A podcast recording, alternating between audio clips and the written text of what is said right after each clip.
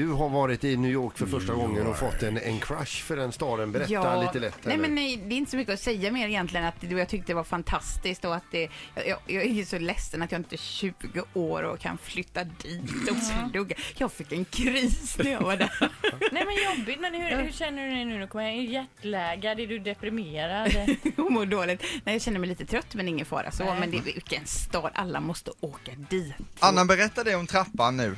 Alltså att jag, alltså att jag grät, eller på Ja. biblioteket. Ja. Jag grät, man är ju så svag också för man har inte sovit så mycket, man är jetlaggad. Det låter som att jag är helt obstinat. Men eh, vi var inne på bib- biblioteket också i New York, för det var en av de grejerna som jag ville se. För att eh, Sex and the City i den filmen, då blir ju Katie, eller Carrie dumpad där precis i en Ja. trappa och gråter. Ja. Och då när vi kom in så säger jag, där är trappan. Och så börjar jag nästan gråta och så säger min sambo om ett, men en likadan trappa på andra sidan. då var jag,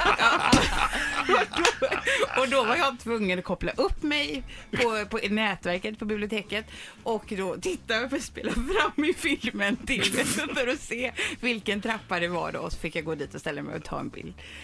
Ja, Så så jobbade jag. Fantastiska minnen från New York Ja, sen har du införlivat en annan dröm och det är att, att springa eh, i Central Park då, Ja. ta en löparrunda där. Ja, och då, träffade, då kom det en kille fram till mig och så sa han till mig på amerikanska, jag älskar vad de har gjort med sjön här.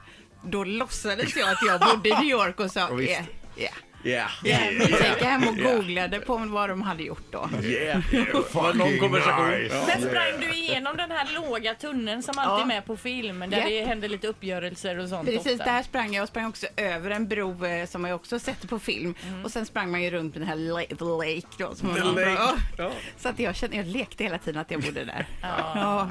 Men åt du något gott? Ja, men vi åt massa gott. Jag var inte på någon av de här tuffa restaurangerna som alla hade sett, utan vi gick mer bara så här, här ser bra ut. Eh, Och så satte vi oss där.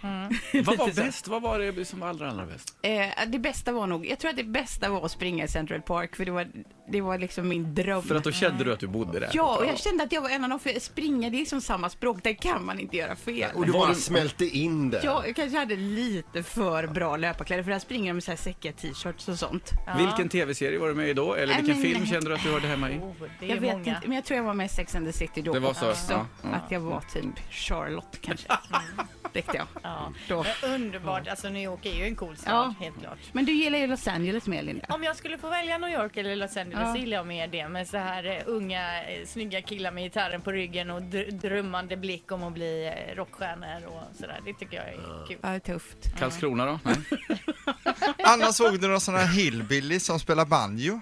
Eh, Alltså i New York, nej det gjorde jag. Jag såg någon sån han den där nakna som alla pratat Ja, om på Times Square. cowboyen. Ja, de är slarviga de dräkterna på Times Square, de här Ja. Disney-dräkterna, de ser konstiga ut. Ja. Ja. Nej men inga hillbillies, då får du nog eh, Ja, det röra var- dig utanför New York. Men de bor i USA vet du. Ja, Ja. det är stort i USA. Tack för ditt inlägg Erik. Tack. Ett poddtips från Podplay. I podden Något Kaiko garanterar östgötarna Brutti och jag, Davva, dig en stor dos skratt.